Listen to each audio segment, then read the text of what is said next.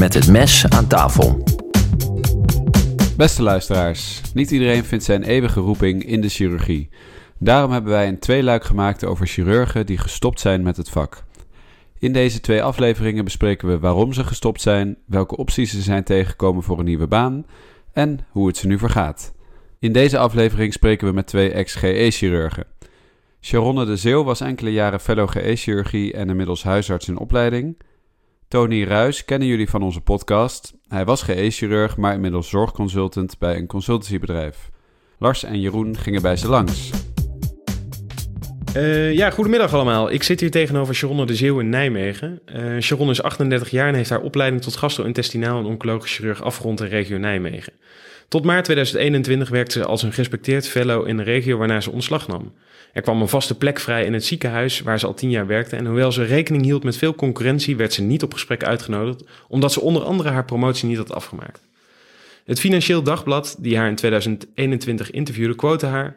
Ik ben een normaal mens, niet gefocust op onderzoek en buitenlandse avonturen om mijn cv op te poetsen. Ik wilde een goed chirurg zijn, maar gewoon een goede dokter zijn, dat bestaat niet meer.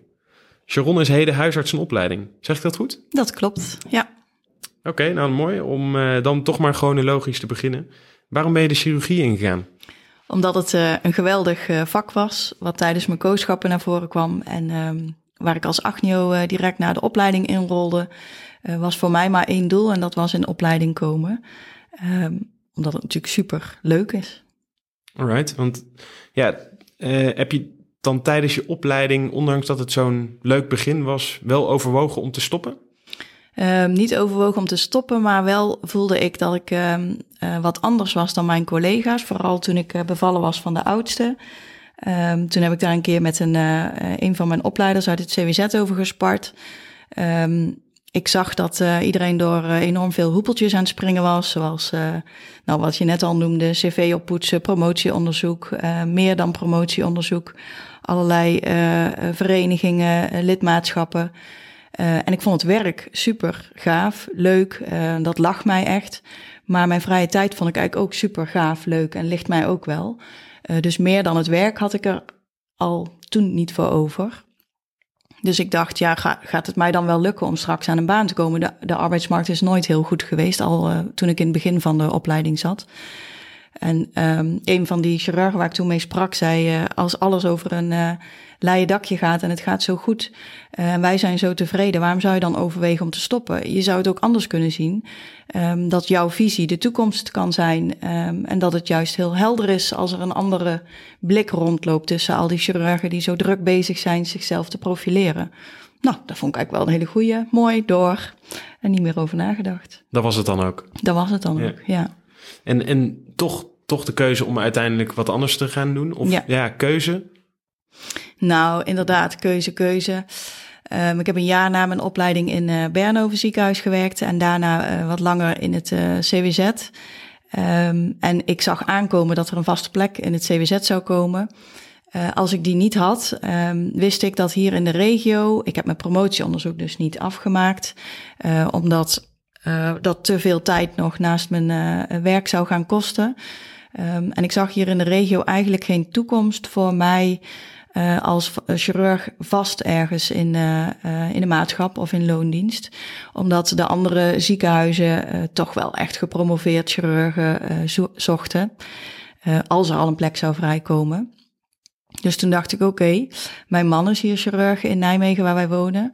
Wat ga ik dan eigenlijk doen? Als ik uh, niet hier in de buurt kan blijven als chirurg, ga ik dan op zoek naar de volgende tijdelijke fellowplek. Maar waar eindig ik? Hoe, hoe, hoe gaat ons leven er dan uitzien? En eigenlijk wist ik, ik, ik wil dat niet. Ik heb dat er niet voor over om uh, de volgende tijdelijke fellowplek te doen zonder uitzicht op. Um, dat vind ik eigenlijk een. Principieel staat me dat tegen dat je mensen zo lang uitbuit zonder dat je ze iets kan bieden. Uh, plus ik zag dat de toekomst voor mij vast niks zou kunnen bieden hier in de buurt, behalve als ik het uit elkaar zou trekken. Dus dat wij apart zouden wonen of door de week tijdelijk elders wonen. Ja, dat leek me een heel ongelukkig leven. Dus keuze, keuze. Ja, toen ik in het CWZ niet kon blijven, dacht ik, nu moet je werken aan een toekomst die, uh, nou, dan moet je gaan werken voor een toekomst die er wel is en niet voor een toekomst die er eigenlijk niet meer is.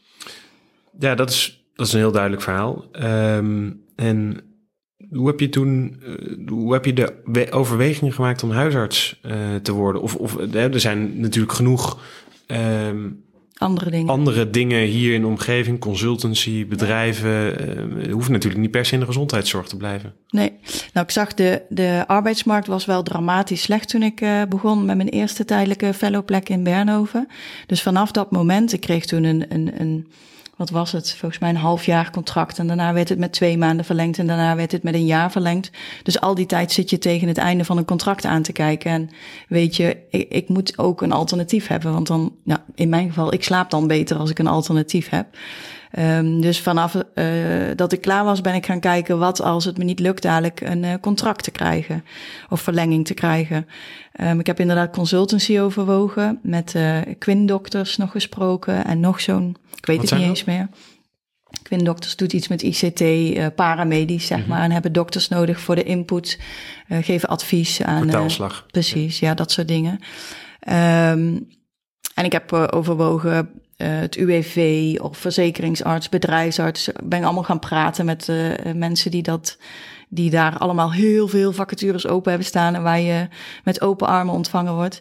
Maar dat, uh, dat lag me niet helemaal. Ik heb ook bij de GGD als, um, uh, hoe heet dat, consult, consultatiebureauarts meegekeken. Ja, dat, dat, dat, was geen klik. Dat was niet waarvoor ik mijn leven als dokter zo had gewerkt. Nee. Ja, je vertelde eerder al, hè, je, je man is chirurg hier in de regio. Ja. Um, ja. en, en, zou je nou een andere keuze hebben gemaakt als je alleen was? Ik bedoel, je hebt dus nu je hebt twee kinderen, um, echtgenoot hier in het Radboud. Um, ja. Had je een andere keuze gemaakt? Ja, dat denk ik wel. Ik denk dat dat heel erg meespeelt, want dat is wat je leven vormt. Hè? Je, je gezin en je thuisbasis en uh, het feit dat je hebt gekozen om twee kinderen te krijgen. En nou, ik ben van mening dat als je dat hebt gekozen, dat die kinderen ook wel recht hebben op een stabiele thuissituatie.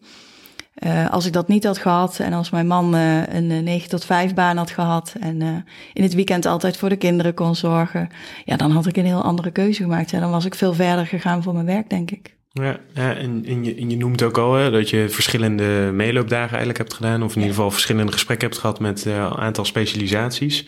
Nog met andere mensen over gepraat? Of heel veel. Ja, ja, ja. Ja, ik ben, ik ben, uh, ik ben daar nooit eigenlijk. Uh, ik heb dat nooit stiekem gedaan. Ik heb dat tegen iedereen uh, verteld. Dat, uh, nou, de arbeidsmarkt was ook dramatisch, of is dramatisch natuurlijk. Dus daar wordt ook heel veel open over gesproken. Um, dus met collega's had ik het daarover. Wat dan?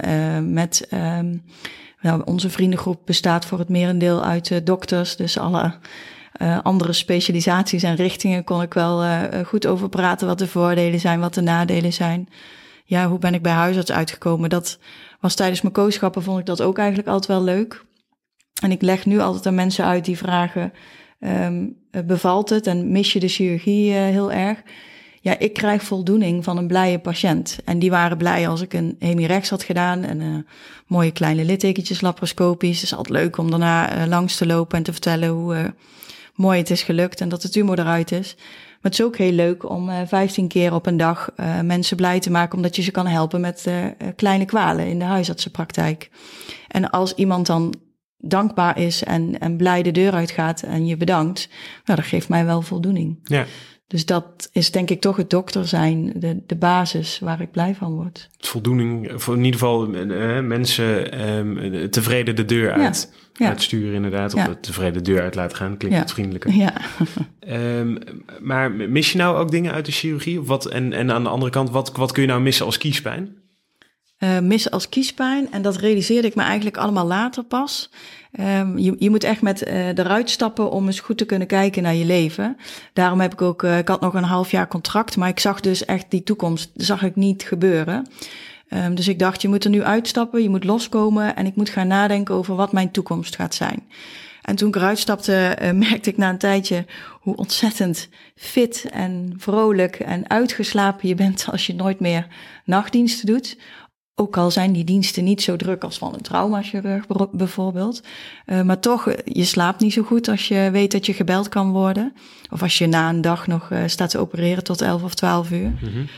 Um, dus dat mis ik als kiespijn inderdaad. De regelmaat van mijn leven is echt nog steeds een verademing. En wat, wat, wat mis je nou eh, uit chirurgie? Of mis je niks? Kan natuurlijk ook. Jawel, jawel. Ik mis eh, zeker wel wat. Dat zal ook nooit weggaan. Ik mis de eh, gezelligheid en het karakter van de chirurgen. Het continueel de dag nou ja, op een leuke, gezellige manier met elkaar praten en het grapjes maken. Ik mis de overdrachten, s ochtends en s avonds. Dat was tijdens mijn opleiding, vond ik dat ook eigenlijk altijd het leukste moment van de dag. Lekker kritisch naar casus kijken, kletsen met elkaar. Ja, dat mis ik echt. En dat heeft het huisartsenvak niet. En nou, vast dat andere vakken het wel hebben, maar nergens zoals chirurgen, denk ik. En hebben er nou nog mensen in de omgeving op een bepaalde manier op je gereageerd toen je die beslissing maakte? Of was het, hoe was dat? Ja, het grappige is dat iedereen eigenlijk unaniem zegt wat dapper. Ehm, blijkbaar eh, ehm, vinden mensen dat een dappere keuze.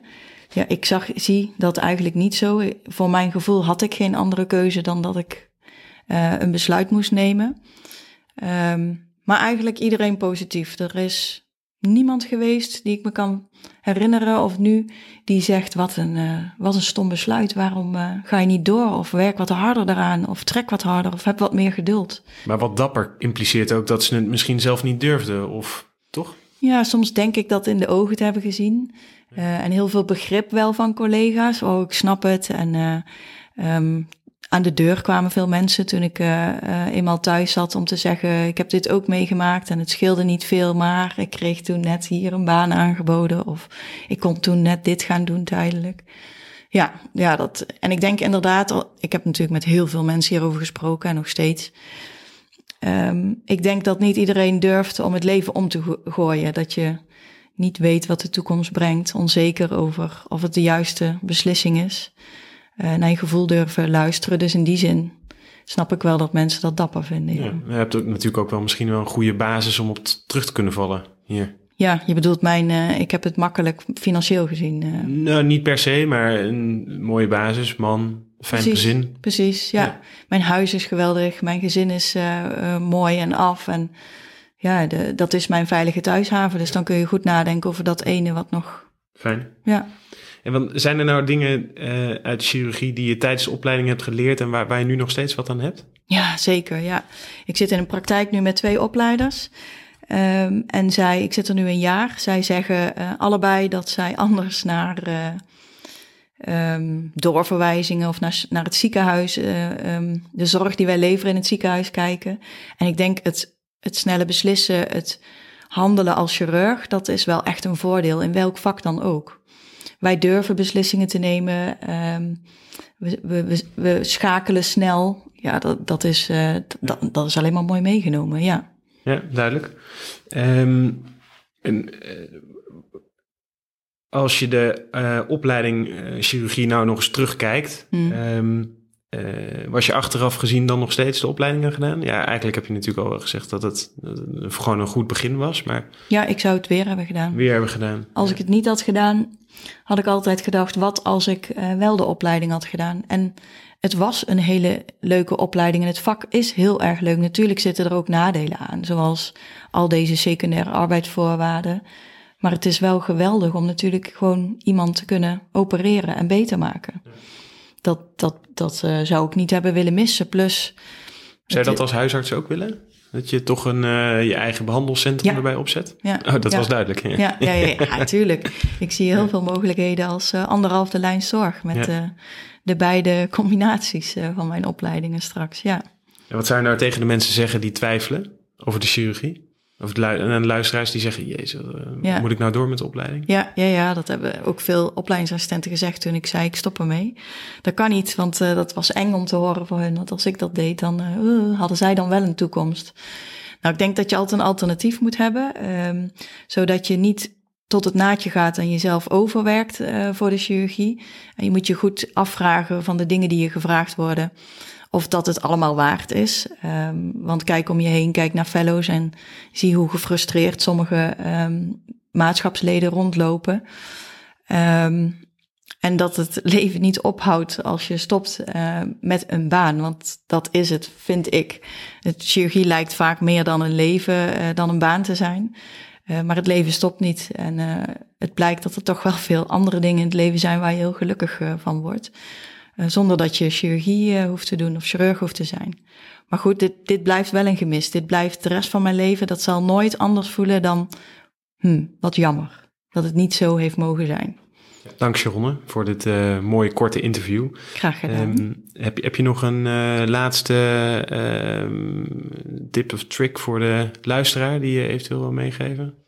Hmm, een van mijn briljante inzichten van deze laatste anderhalf jaar is het woordje autonomie. Waar ik heel mijn leven al over gelezen heb en waar ik mijn schouders bij ophaal. Dat had voor mij eigenlijk niet zo heel veel betekenis. Um, maar mijn conclusie is wel dat als je het gevoel hebt dat je autonomie hebt over je leven en over je werk, dan ben je gelukkiger. Dus um, als fellow heb je nergens autonomie over. Je zegt overal ja tegen, je klaagt niet. En uh, je hebt je te schikken naar de wensen van de vakgroep, maatschappen, whatever, waar je werkt. Um, dat maakt je heel erg ongelukkig en je wilt er tegen vechten. Vooral chirurgen, karakters willen er tegen vechten, maar dat, dat kan niet.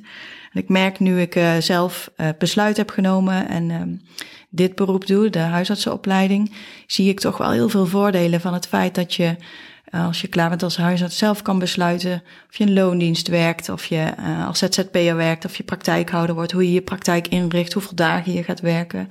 Dat geeft een, dat, die autonomie over je werk en dus ook over je leven en je vrije tijd geeft zo'n geluksgevoel.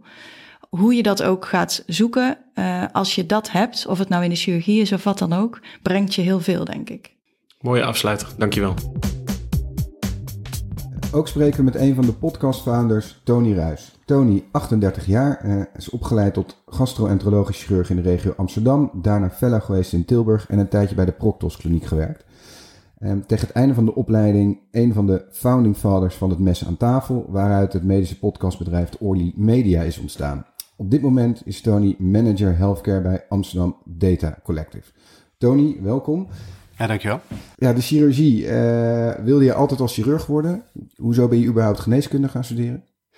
Ja, ik, ik ben ooit begonnen, dus toen ik gewoon 18 was en, en, en daarvoor koos, ben ik begonnen met natuurkunde. Dat heb ik uh, ruim een half jaar gedaan. Um, toen ben ik gestopt omdat het veel te abstract was. Ik, ik, weet het moment precies. Ik zat, kwam uit een college waarin we twee uur lang hadden berekend wat het magnetisch draaimoment van een dipol was. Ik had geen idee wat ik op dat moment berekend had. En dat was een soort kantelpunt waarbij ik dacht, ja, dit, dit is te abstract, dit wil ik niet. En toen ben ik voor het ongeveer het uh, uh, minst abstracte vak gegaan, of uh, in elk geval het meest concrete, en dat is dus geneeskunde. Toen wou ik zeker ook nog niet meteen chirurg worden, maar toen ik met coachschappen begon, sprak met name het hele doelgerichte werken aan. En ben ik toen al vrij snel voorgesorteerd ja, naar, naar chirurgie en dat gaan doen. Hoe heb je die jaren eigenlijk uh, ervaren? Ja, ik vond het een fantastisch avontuur. Ik heb het uh, helemaal geweldig gevonden eigenlijk de hele, uh, die hele tijd. Um, met name die opleiding en eigenlijk ook het fellowship gewoon. Dat je elk moment leert en ook elk moment een, een punt hebt waar je naartoe werkt. Dus je steeds een moeilijkere operatie, steeds moeilijkere patiënten, steeds meer verantwoordelijkheid. Uh, dus het is een enorm leerproces wat, wat, ik, wat ik helemaal geweldig heb gevonden. Naast dat ik het vak uh, heel bijzonder vind. Hè. Dus dat je het opereren vond ik heel erg, heel erg mooi. Maar ook uh, eigenlijk met name het, het, de, de, intense gesprekken met, met, met patiënten. Waarom ben je dan gestopt? Ja, dat, dat is natuurlijk een, een, ook wel een complexe vraag. En ehm, er zijn een aantal redenen voor. In elk geval was ik naast, um, naast mijn vak al bezig met allerlei dingen, um, allerlei side projects om het zo maar te zeggen, die ik steeds leuker begon te vinden. Dat had met name te maken met artificial intelligence. Daar heb ik veel over gelezen en toen wat prestaties over gegeven. En ik ben bij een start-up gaan werken die daar mee werkte. En ik heb echt oprechte overtuiging dat dat um, de, volledige wereld gaat veranderen in de komende twintig jaar. En met name de gezondheidszorg, waar we daar enorm mee achterlopen en enorme kansen liggen. Um, en als je, als je ervan overtuigd bent dat dat zo'n verandering gaat geven, dan ik, ik wou daar aan, aan, bijdragen en ook uh, binnen gaan werken en, en uh, nou, daar meer van weten, maar ook uh, zorgen dat dat binnen de zorg gebruikt gaat worden. En de reden waarom ik toch besloot te stoppen met de chirurgie was met name dat ik uh, erachter kwam dat het um, dat ik echt een generalist ben. Dus ik vind uh, enorm veel verschillende dingen leuk. En um, hoeft niet per se volledig de diepte in te gaan. Um, en het zit al een beetje in het woord, een medisch specialist is een specialist. Dus die, uh, uiteindelijk ga je als medisch specialist ga je vier of vijf ziektebeelden behandelen. Um, en daar ga je enorm veel van weten. Um, maar uh, het is wel alleen maar een paar beelden. En ik, ik zoek juist die breedte. Dat, hè, dus ik, nogmaals, ik ben gewoon een generalist. Daar kwam ik eigenlijk achter. Ja, en dat, dat stoppen, hè, dat beslis je natuurlijk ook niet van de ene op de andere dag. Um, hoe ja, kan je ons meenemen hoe dat proces voor jou is verlopen? Hè? Wanneer zijn jouw twijfels gekomen? Heb je nog met mensen gesproken daarover? Um...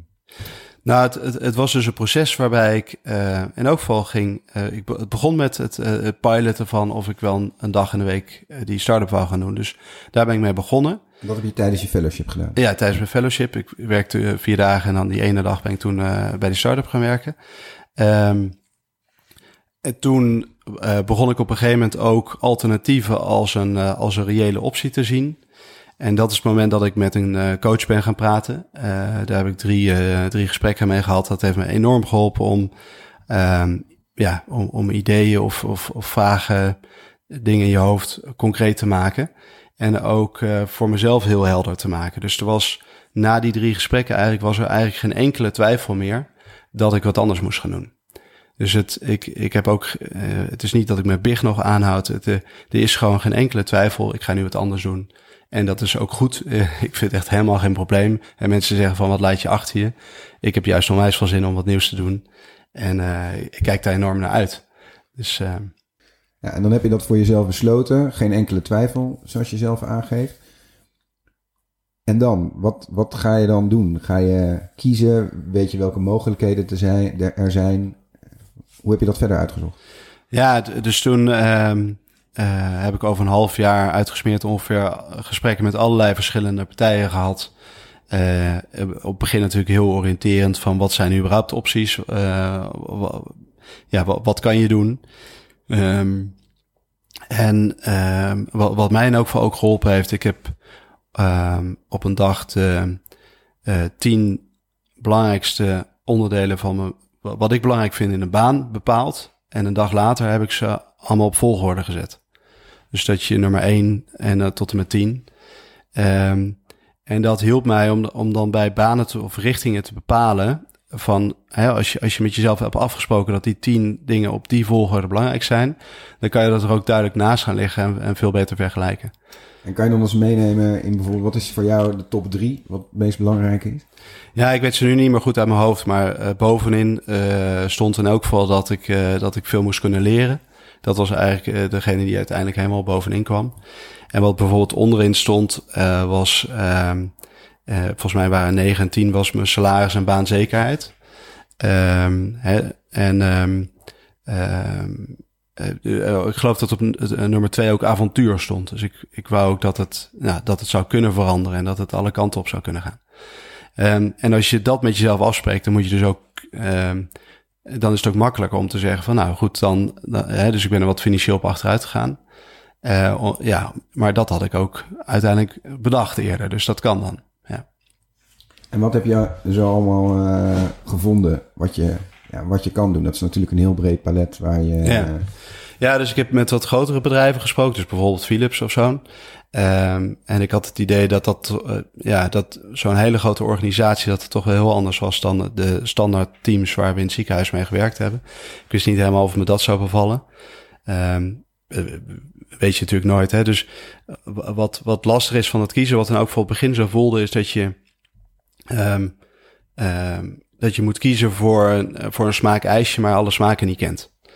Um, en dat, dat was dus ook, ik weet helemaal niet of uh, Philips misschien fantastisch, uh, maar ik dacht dat dat misschien allerlei politieke uh, en te, te, grote organisaties zou zijn.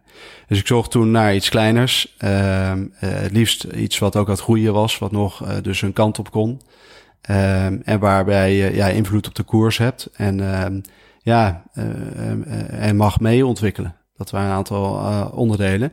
En je kan dan ook nog groter kijken naar wat of ik keek in elk geval naar bijvoorbeeld consultancy. Um, um, omdat ik dacht, nou, als je dan toch diversiteit wil, want dat was ook belangrijk, dan um, een consultant die doet allerlei verschillende opdrachten. dat leek me dan wel geschikt. Ehm, dus ik heb met een aantal consultantsbureaus gesproken. Maar je wist van tevoren wel dat het al een beetje in de datahoek tegen de healthcare aangelieerd moest zijn. Ja, omdat dat de primaire reden was natuurlijk, hè, wat ik eerder zei. Dus ik, ik, ik, ik wil die, uh, de dokter gaan helpen dat die data gebruikt op, op, een, op een geschikte manier. Dat er, um, dat je niet meer soort van, uh, wat ik altijd zo ervaren heb, een beetje op je gevoel dingen doet. Maar dat er gewoon harde, ja, dat je alle getallen van eerdere patiënten daarvoor gebruikt. Um, dus data en zorg, dat moest er ook veel inzetten, ja. ja. En wat vond je gedurende dat hele proces voordat je uiteindelijk die keuze of dat je tot die laatste twee uh, opties kwam? Waar ben je tegen aangelopen? Dat je dacht van, nou, dat, is me, dat vond ik lastig in het hele proces of daar ja, had ik moeite mee? Nou, ik denk dat het begin het allermoeilijkste is. Dus uh, waar, uh, als je, waar ga je nou beginnen? Hè? Dus wat ga je doen en wat zijn de opties? Um, het is zo extreem breed. Dat op het begin voelde dat heel uh, vrij. Dat je echt alles kan gaan doen. Ik had bij wijze van spreken bij Ahold kunnen gaan werken of zo. Um, maar, dus dat van heel breed. Dus ik heb vrij lang heb ik met allerlei verschillende mensen gesproken. En heel, heel uh, niet concreet van ja, wat zou je allemaal kunnen doen. Maar ik vond het begin eigenlijk lastig om, om daar het, uh, dat laatste stuk het focussen. Dat, dat, uh, dat ging makkelijker. En nu ben je werkzaam bij Amsterdam Data Collective. Kun je ons vertellen wat je, wat je baan nu inhoudt? Ja, dus, dat is nog best divers. Ik, ik werk op verschillende projecten. Moet ook zorgen dat er uh, nieuwe projecten binnenkomen. Uh, maar dus een, een onderdeel wat ik bijvoorbeeld doe is een, uh, is een grote tandartsgroep in Nederland. En daar hebben we een algoritme voor gemaakt die voorspelt of je gaatjes krijgt of niet. En nu is dat model gemaakt en dat moet nu getest worden of dat ook echt werkt. Dus dat zijn we nu in tien tandartspraktijken in Nederland zijn we dat aan het, aan testen. Dan kunnen ze in het systeem kunnen ze dat zien. En dan gaan we kijken hoe dat met de, met de met tandarts, met de patiënt en ook uh, wat het oplevert. Hè, dus wat eruit komt. Dat zijn we nu aan het testen. Dat is één onderdeel. Ander onderdeel is wat we noemen precision dosing. Dus we proberen voor bepaalde doseringen te helpen met data. Nou, dat, dat komt heel erg dicht bij wat ik eerder beschreven, wat ik, wat ik wil. Dat je uh, nu dosering een beetje op je gevoel maakt, soms met een richtlijn. Maar er zijn best wel stukken waarbij er een smalle therapeutische index is, waar je eigenlijk veel meer data zou kunnen gebruiken. Um, en daar zijn we meerdere projecten ook binnen aan het doen. En je zit nu eigenlijk in het bedrijfsleven. Wat zou het bedrijfsleven van de chirurgie kunnen leren? En andersom eigenlijk, hè? Wat, kan, nou wat kunnen de chirurgen van het bedrijfsleven, wat je nu meemaakt, leren? Nou, wat ik, uh, wat ik nog had te zeggen dan, wat ik echt geleerd heb, is, is keuzes maken. Dus je wordt, uh, zeker als je helemaal klaar bent, of als fellow word je gewoon gedwongen. Dat vond ik in elk geval het eerste half jaar als fellow ook verreweg het moeilijkste. Dat je in één keer ook echt de knopen moet doorhakken. En uh, die knopen doorhakken, als je dat veel vaker doet, dan leer je ook dat het, dat het eigenlijk uiteindelijk wel meevalt. Vaak kan je beide opties kan je, kan je wel um, verdedigen en dan moet je gewoon een keuze maken en, en daarachter staan. Um, daar kan het bedrijfsleven zeker van leren, van echt doelgericht werken, wat, wat de chirurgie echt doet. En ook gewoon echt keuzes maken en achter staan. Um, en dan andersom, wat kan de chirurgie leren van het, uh, van het bedrijfsleven? Wat ik nu wat ik nu heel erg leer is, projectmatig uh, werken. Hè? Dus over langere tijd uh, een project managen en zorgen dat dat goed verloopt. En ja, dat was iets wat totaal nieuw was. Hè? Dus ik, ik kwam een ziekenhuis binnen. Er lagen 25 tot 40 problemen op me te wachten. afhankelijk van of ik een poli of een, een operatiedag had. En dan, dan ging, ik, ging ik weer naar huis. Maar juist langere termijn uh, zijn natuurlijk ook projecten binnen een ziekenhuis die opgepakt moeten worden. Um, en dat op een, op een goede manier managen, dat is echt wel een nieuwe skill die, die best wel zou helpen als we daar meer van zouden leren. En heb je nog tips of tricks of adviezen die je zou willen meegeven aan luisteraars die, uh, ja, die ook nou ja, niet twijfels hebben, maar die misschien ook een andere invulling van hun vak of nastreven of die juist wel twijfelen om iets anders te gaan doen. Of mensen die net begonnen zijn met de opleiding of die ja. aan het punt staan te beginnen aan de opleiding. Ja, nou, één ding wat mij enorm geholpen heeft, wat ik dus al zei, is, is echt een, een goede coach zoeken. Ehm, en dan niet een, een, uh, een loopbaancoach die dan, ja, die, die kan vast ook geschikt zijn hoor, van um, welke banen er precies er allemaal zijn. Maar meer iemand die echt helpt met denken van wat wil je nou precies, oh, nu en over vijf jaar. Uh, en, en die jou al die antwoorden laat geven. Um, voor mij was het in elk geval ook een eye-opener dat ik ik had best wel iets eerder kunnen zien dat ik gewoon een generalist ben. En dan is het wel onlogisch om een, om een, uh, om een specialist te worden. En ik denk dat uh, er een, uh, een jonge groep aankomt die heel anders in de wedstrijd zit. ik was daar denk ik één van. Hè, dus ik, toen ik in Tilburg aankwam, dat ik vertelde dat ik al drie dagen in het ziekenhuis wou gaan werken. Um, dat is dan misschien een beetje spannend om te zeggen, omdat je zo super dedicated moet zijn. Um, ik zou iedereen aanraden om daar gewoon hard achter te gaan staan. Om dat gewoon te vertellen. Uh, dat ook uit te gaan, uh, te gaan proberen. Dus de piloten gewoon uh, één of twee dagen wat anders te gaan doen daarnaast. Te kijken hoe dat bevalt. en als het niet bevalt, kun je altijd wel weer terug. En als je daar um, een sterk verhaal achter hebt en een overtuiging, dan, dan zal iedereen daar ook in meekomen. En ik denk ook dat op het moment dat er meer jonge mensen ook in de maatschappen komen en dat langzaam doorkomt, dat, dat het steeds normaler zal gaan worden. En dat dat ook echt de manier is uh, om één uh, chirurgen buiten het ziekenhuis ook meer invloed te laten hebben. En, je, en de invloed gaat me niet zozeer om, maar meer dat je kennis ook echt gebruikt om, om, uh, ja, om, om nieuwe initiatieven te krijgen. Um, en die kennis is gewoon mega waardevol, ook buiten het ziekenhuis. Um, en het tweede is dat je um, uh, daarvoor, daardoor ruimte creëert op de arbeidsmarkt. En volgens mij is dat echt een manier om, uh, om eruit te komen. Uh, dus de jonge mensen moeten gewoon zorgen dat ze minder gaan werken. En dan heb je meer ruimte. En dan is het probleem zo opgelost. Goed, dankjewel Tony. Ja, dankjewel. Dit was Met het Mes aan tafel. Tot de volgende keer.